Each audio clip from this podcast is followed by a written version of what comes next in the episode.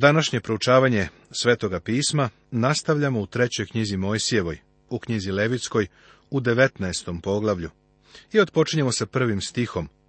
Govorimo o čovekovom odnosu prema Bogu. Još reče gospod Mojsiju govoreći. Kaži svemu zboru sinova Izraeljevih i reci im. Budite sveti, jer sam ja svet, gospod Bog vaš. Bog daje ova uputstva Mojsiju zakonodavcu. Ta uputstva proširuju deo od deset zapovesti. Bog zahteva sveto ponašanje na osnovu toga što je On svet. Dobro je primetiti da je Bogu takvo ponašanje i danas ugodno. Ako dakle jedete, ako pijete, ako ma šta činite, sve činite na slavu Božju. Prema tome, ako je ko u Hristu, novo je stvorenje, staro je prošlo, vidi, postalo je novo. Stoga saberite svoj um, budite trezni, potpuno se uzdajte u blagodat, koja će vam se doneti prilikom javljanja Isusa Hrista. Kao poslušna deca, ne upravljajte se po pređašnjim požudama, koje ste imali u svom neznanju, nego po svecu koji vas je pozvao, budite i sami sveti u svom vladanju. Jer je napisano, budite sveti, jer sam ja svet. Ovih nekoliko stihova je preuzeto iz Novog Zaveta. Glavna razlika između ponašanja koje se tražilo pod zakonom i onog koje se zahteva pod blagodaću jeste da je danas verniku obezbeđena sila zato u osobi Svetoga Duha. Sjedinjeni smo sa živim Hristom. Sve staro je prošlo. Više nismo pridruženi Adamu, niti zakonodavnom sistemu. Sjedinjeni smo sa Hristom i trudimo se da mu ugodimo. Vidiš, pod zakonom Ljudi su se trudili da sopstvenim nastojanjima održe zapovesti. Morali su da nauče da će ih telo uvek izneveriti, uvek doneti neuspeh. Za razliku od ovoga, mi u sebi imamo duha svetoga. Jer što zakon nije mogao, zato što je zbog tela bio slab, učinio je Bog na taj način što je poslao svoga sina u obličju sličnom grešnom telu i za greh i osudio grehu telu, da bi se pravednost koju zakon zahteva ispunila na nama, koji ne živimo po telu, nego po duhu, kaže poslanice Rimljanima u osnom poglavlju. A plod duha je ljubav, radost, mir, dugotrpljenje, čestitost, dobrota, vera, krotost, uzdržljivost, protiv ovakvih stvari nema zakona, kaže poslanica Galatima u petom poglavlju. Zakon nikada ovako daleko ne ide. Sin Boži želi da nas uzdigne na ovu visinu. E sada, ističući određene zapovesti koje treba da drže, Bog će naročito naglasiti one oblasti u kojima su oni bili slabi. Istorija Izraela će nam pokazati da je Bog razumeo koje su njihove tačke slabosti. Dobili su savete u vezi sa subotom, o izbjegavanju idolopoklonstva, o prinošenju ispravnih žrtava Bogu. Ovo su oblasti u kojima su oni kasnije pali. Bog od njih traži da budu sveti u svakodnevnom životu. Svaki da se boji matere svoje i oca svojega, i držite subote moje, ja sam gospod Bog vaš. Čovek bi pomislio da je čudno da Bog započinje sa zapovešću da se poštuju otac i majka. Ali, kada razmotrimo roditelja koji za dete stoji na mestu Boga, onda nije čudno. Jer, da bi naučilo da bude poslušno Bogu, dete mora da nauči da sluša roditelje. Kada hoćeš da dopreš do suštine, moraš početi od kuće. Zatim dodaje, i držite subote moje.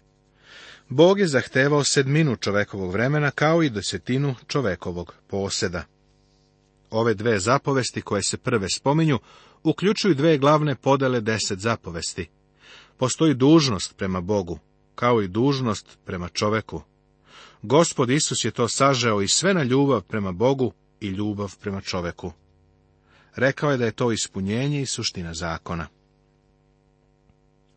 Zakon o suboti ne počiva na moralnoj osnovi, već na voljnoj Božjoj zapovesti koju je on dao Izraelu. Izrael je u otpadništvu u ovome zgrešio. Odbijali su da poštuju subote. Govoreći, kad će proći mladina da prodajemo žito i subota da otvorimo pšenicu? Umanjujući jefu i povećavajući sikal i varajući lažnim merilima, piše u knjizi proroka Amosa u osmom poglavlju. Ovo je bila Božja optužba protiv naroda. Ne obraćajte se k idolima, i bogova livenih ne gradite sebi, ja sam gospod Bog vaš. Ovo pokriva prve dve zapovesti. Ovde se misli na to da na idolopoklonstvo ne treba ni pogled baciti. božačko obožavanje idola koje se odigravalo pred njihovim očima sa pompom i ceremonijom, a to se još uvijek dešava. Pogledaj samo raskošne i besmislene rituale koje u današnjoj religiji postoje. To je služba oku. Ljudi nisu trebali da gledaju idole i nisu smeli da ih prave. Bog se podruguje idolima jer su ništa i jer ništa ne mogu učiniti. A kad prinosite žrtvu zahvalnu gospodu, prinosite je drage volje. U koji je dan prinesete, neka se jede i sutradan, a što ostane do trećega dana, neka se ognjem sažeže. A ako bi se što jelo treći dan, gad je, neće biti ugodno. Ko bi je god jeo, nosit će svoje bezakonje, jer oskvrni svetinju gospodu. Zato će se istrebiti ona duša iz naroda svoga. Ovde ništa novo nije dodato.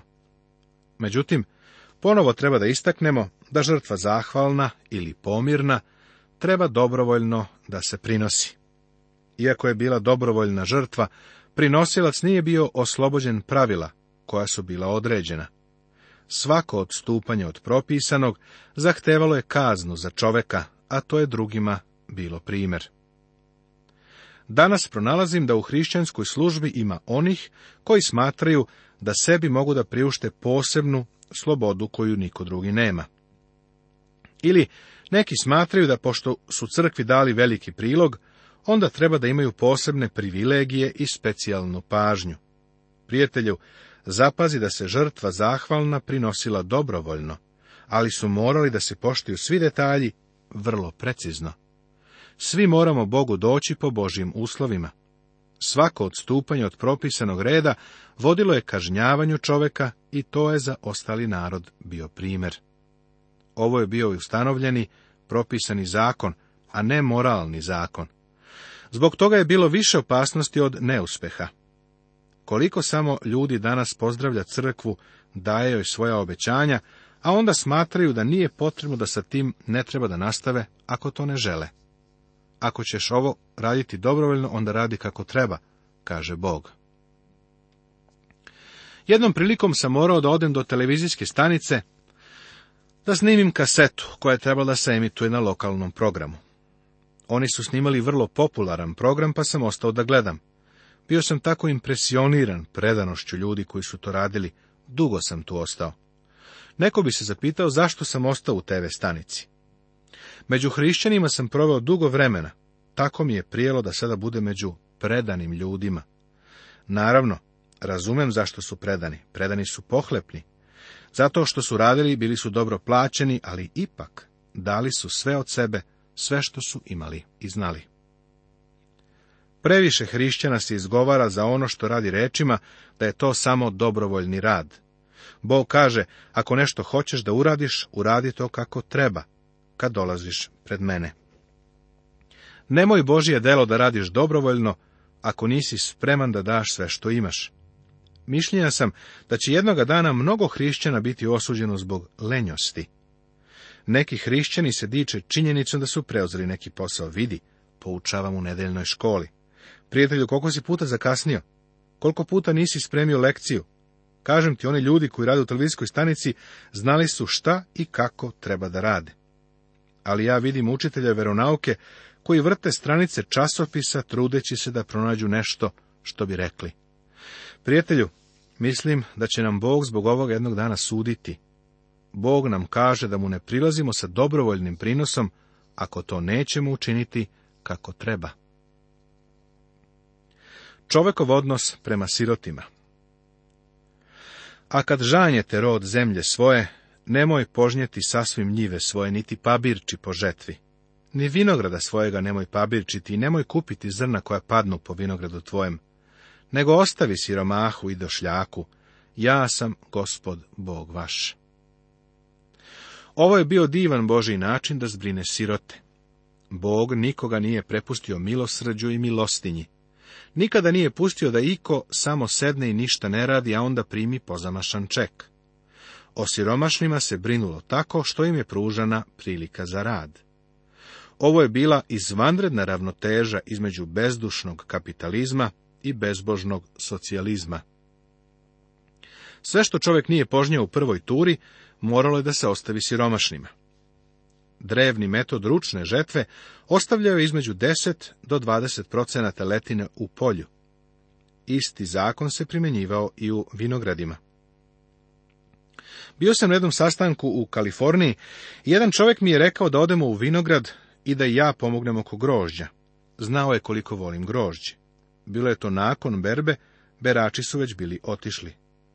Mogao sam kamion da napunim grožđem, samo da sam imao kamion te večeri. Na sastanku sam rekao ljudima da sam bio na polju i da sam pabirčio. Ovo je bio Božji način da zbrine svoj narod. Njegov metod postupanja sa siromaštvom bio je takav da su i siromašni i bogati priznavali i poštovali dobru Božju ruku. Čovekov odnos prema njegovom bližnjem. Ne kradite, ne lažite i ne varajte bližnjega svoga. Ne kunite se imenom mojim krivo, jer ćeš oskrvniti ime Boga svojega, ja sam gospod. Ovo ponovo ističe osmu i devetu zapovest. Ne kradi, ne svedoči lažnje na bližnjeg svojega. Krađa, varanje i lažno svedočenje, krivokletstvo, sve imamo ovde. Lažno postupanje je način krađe, prema Božoj definiciji. Treća zapovest je sadržana u 12. stihu. Božije je ime sveto. U poslu Boži čovjek treba da pokaže svetost Božijeg imena svojim poštenim i iskrenim poslovanjem. Ne zakidaj bližnjega svoga i ne otimaj mu, plaća nadničareva da ne prenoći kod tebe do jutra. Svakog čovjeka koji radi za nas treba da platimo. Hoću da kažem da smatram da je Bog na strani radnika. Moj otac je bio radan čovjek i sećam ga se više u radnom modelu nego na bilo koji drugi način gradio je dizalice za pamuk u Teksasu i ja sam otkrio da je mnogo puta financijski bio dotučen. Slušaj šta kaže Jakov. De sad, vi bogataši, zaplačite i učite za nedaće koji idu na vas. Istrunu vaše bogatstvo i moljci izjedoše vaše haljine, kaže poslanica Jakovljeva u petom poglavlju. Stih šest istog poglavlja nastavlja i kaže, osudiste, ubiste pravednika, on vam se ne protivi. Bezbožnički rad je grozna stvar, kao i bezbožnički kapitalizam. Mislim da nam trenutno preti opasnost od ovog posljednjeg. Nemoj psovati gluha, ni pred slepca metati šta da se spotakne, boj se Boga svojega, ja sam gospod. Jedan slepi čovjek mi je pričao kako ga je prevario neki prodavac koji je došao kod njega. Želim da kažem da se ove užasne stvari dešavaju i danas. Bog stavlja dupli naglasak na svoje sveto ime u vezi sa slepima i gluvima. Bog brine za slabe, bespomoćni i nejake i on ukorava tvrdokornost čovekovog srca. Ne činite nepravde na sudu, ne gledaj što je ko siromah, niti se povodi za bogatim, pravo sudi bližnjem svome. Ova je reč upućena sudiji koji sedi na klupi. Kako je samo našim današnjim sudijama potrebna ova reč? Sudija u sudnici treba da shvati da mora da sudi onako kako to Bog radi. Voleo bi da se neki od njih sete da se nalaze u toj poziciji ne zato što su ih neki političari postavili, nego zato što predstavljaju svemogućeg Boga. Oni nepristrasno treba da sude. U Henryu VIII. Šekspir je napisao, nebo je još uvijek iznad, tamo sedi sudija kojeg nikakav car ne može da podmiti. A Sokrat je napisao, Četiri stvari pripadaju sudiji, da pažljivo sluša, da mudro odgovara, da trezveno razmatra i da nepristrasno odlučuje. Ne idi kao opadač po svom narodu i ne ustaj na krv bližnjega svoga, ja sam gospod. Nemoj mrziti na brata svoga u srcu svom. Slobodno iskaraj bližnjega svoga i nemoj trpeti greha u njemu. Ne budi osetljiv i ne nosi srdnje na sinove naroda svoga, nego ljubi bližnjega svoga kao samoga sebe, ja sam gospod. Pronošenje priče ili opadanje je isto što i ogovaranje. Bolje je čutati ako bi iznošenje istine naškodilo tvome bližnjem. Scott je napisao, tihi šaptači, ulagivači svojim šeputanjem presecaju iskreno grlo. Neko drugi je izjavio, ne moraš verovati sve što čuješ, ali to možeš ponoviti. Jakov je mnogo šta imao da kaže ovome, a ja sam napisao knjižicu o njegovoj poslanici pod naslovom Pakao u plamenu. Znaš li šta je to? To je maleni jezik u tvojim ustima. Užasna je to stvar. To je nešto najopasnije na svetu, opasnije od atomske bombe. Ustati na krv znači ubiti. Mržnji se ne daje ista vrednost kao ubistvu, ali je i ona zabranjena. Gospod ih povezuje i kaže, ako mrziš, onda si ubica. Odgovor za sve ove negativne zabrane nalazi se u ovoj pozitivnoj izjavi ljubi bližnjega svoga kao samoga sebe. Pavle je sve to za hrišćane rezimirao. Braćo, ako se koji zateknu kakvom prestupu, vi duhovni ljudi ispravite takvog u duhu krotosti, čuvajući samoga sebe, da i ti ne budeš iskušan. Čovekov odnos u različitim životnim situacijama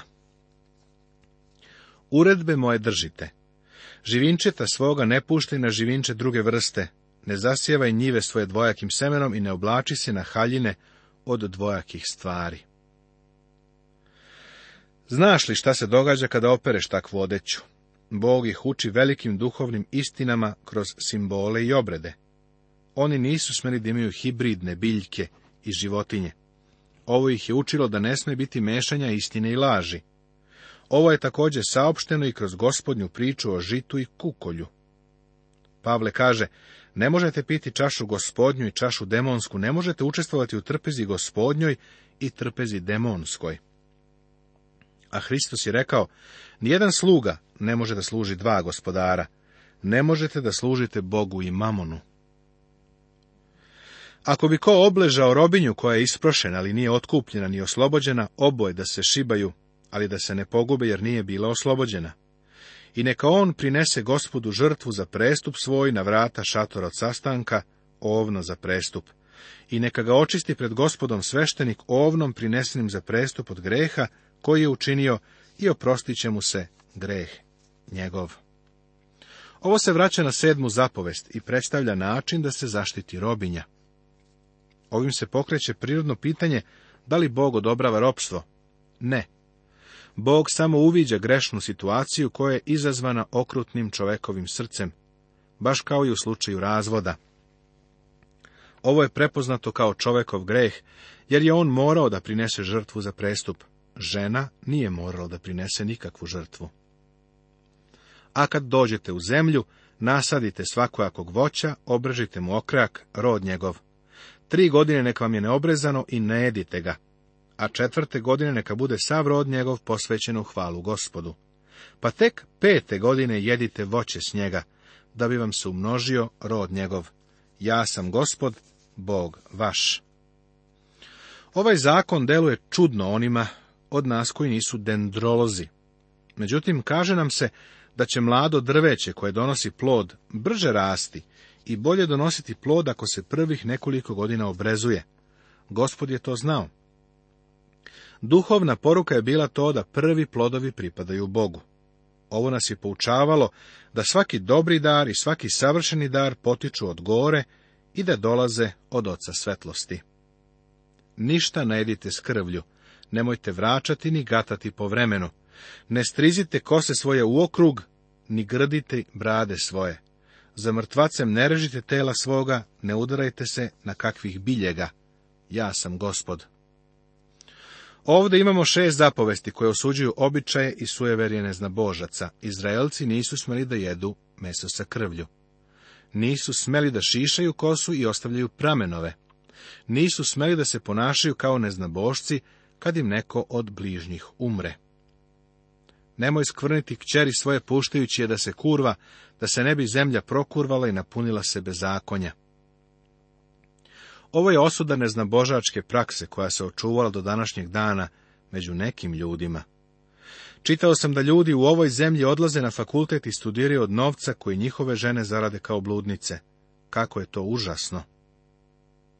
Držite subote moje i svetinju moju poštujte. Ja sam gospod. Subota je bila znak odnosa i savez između Boga i Izraelaca i toga su morali strogo da se pridržavaju. Ovo je detaljno objašnjeno u drugoj knjizi Mojsijevoj. Pred sedom glavom ustani, poštuj lice starčevo i boj se Boga svoga, ja sam gospod. Starim ljudima treba da se pokaže poštovanje. Ovo se pokazuje i u drugim delovima Svetoga pisma. Držite dakle sve uredbe moje i sve zakone moje i vršite ih, ja sam gospod. Bog je gospod, ovo je dovoljan razlog za poslušnost onome što on zapoveda. Možeš li išta ovome dodati? Nastavit će se.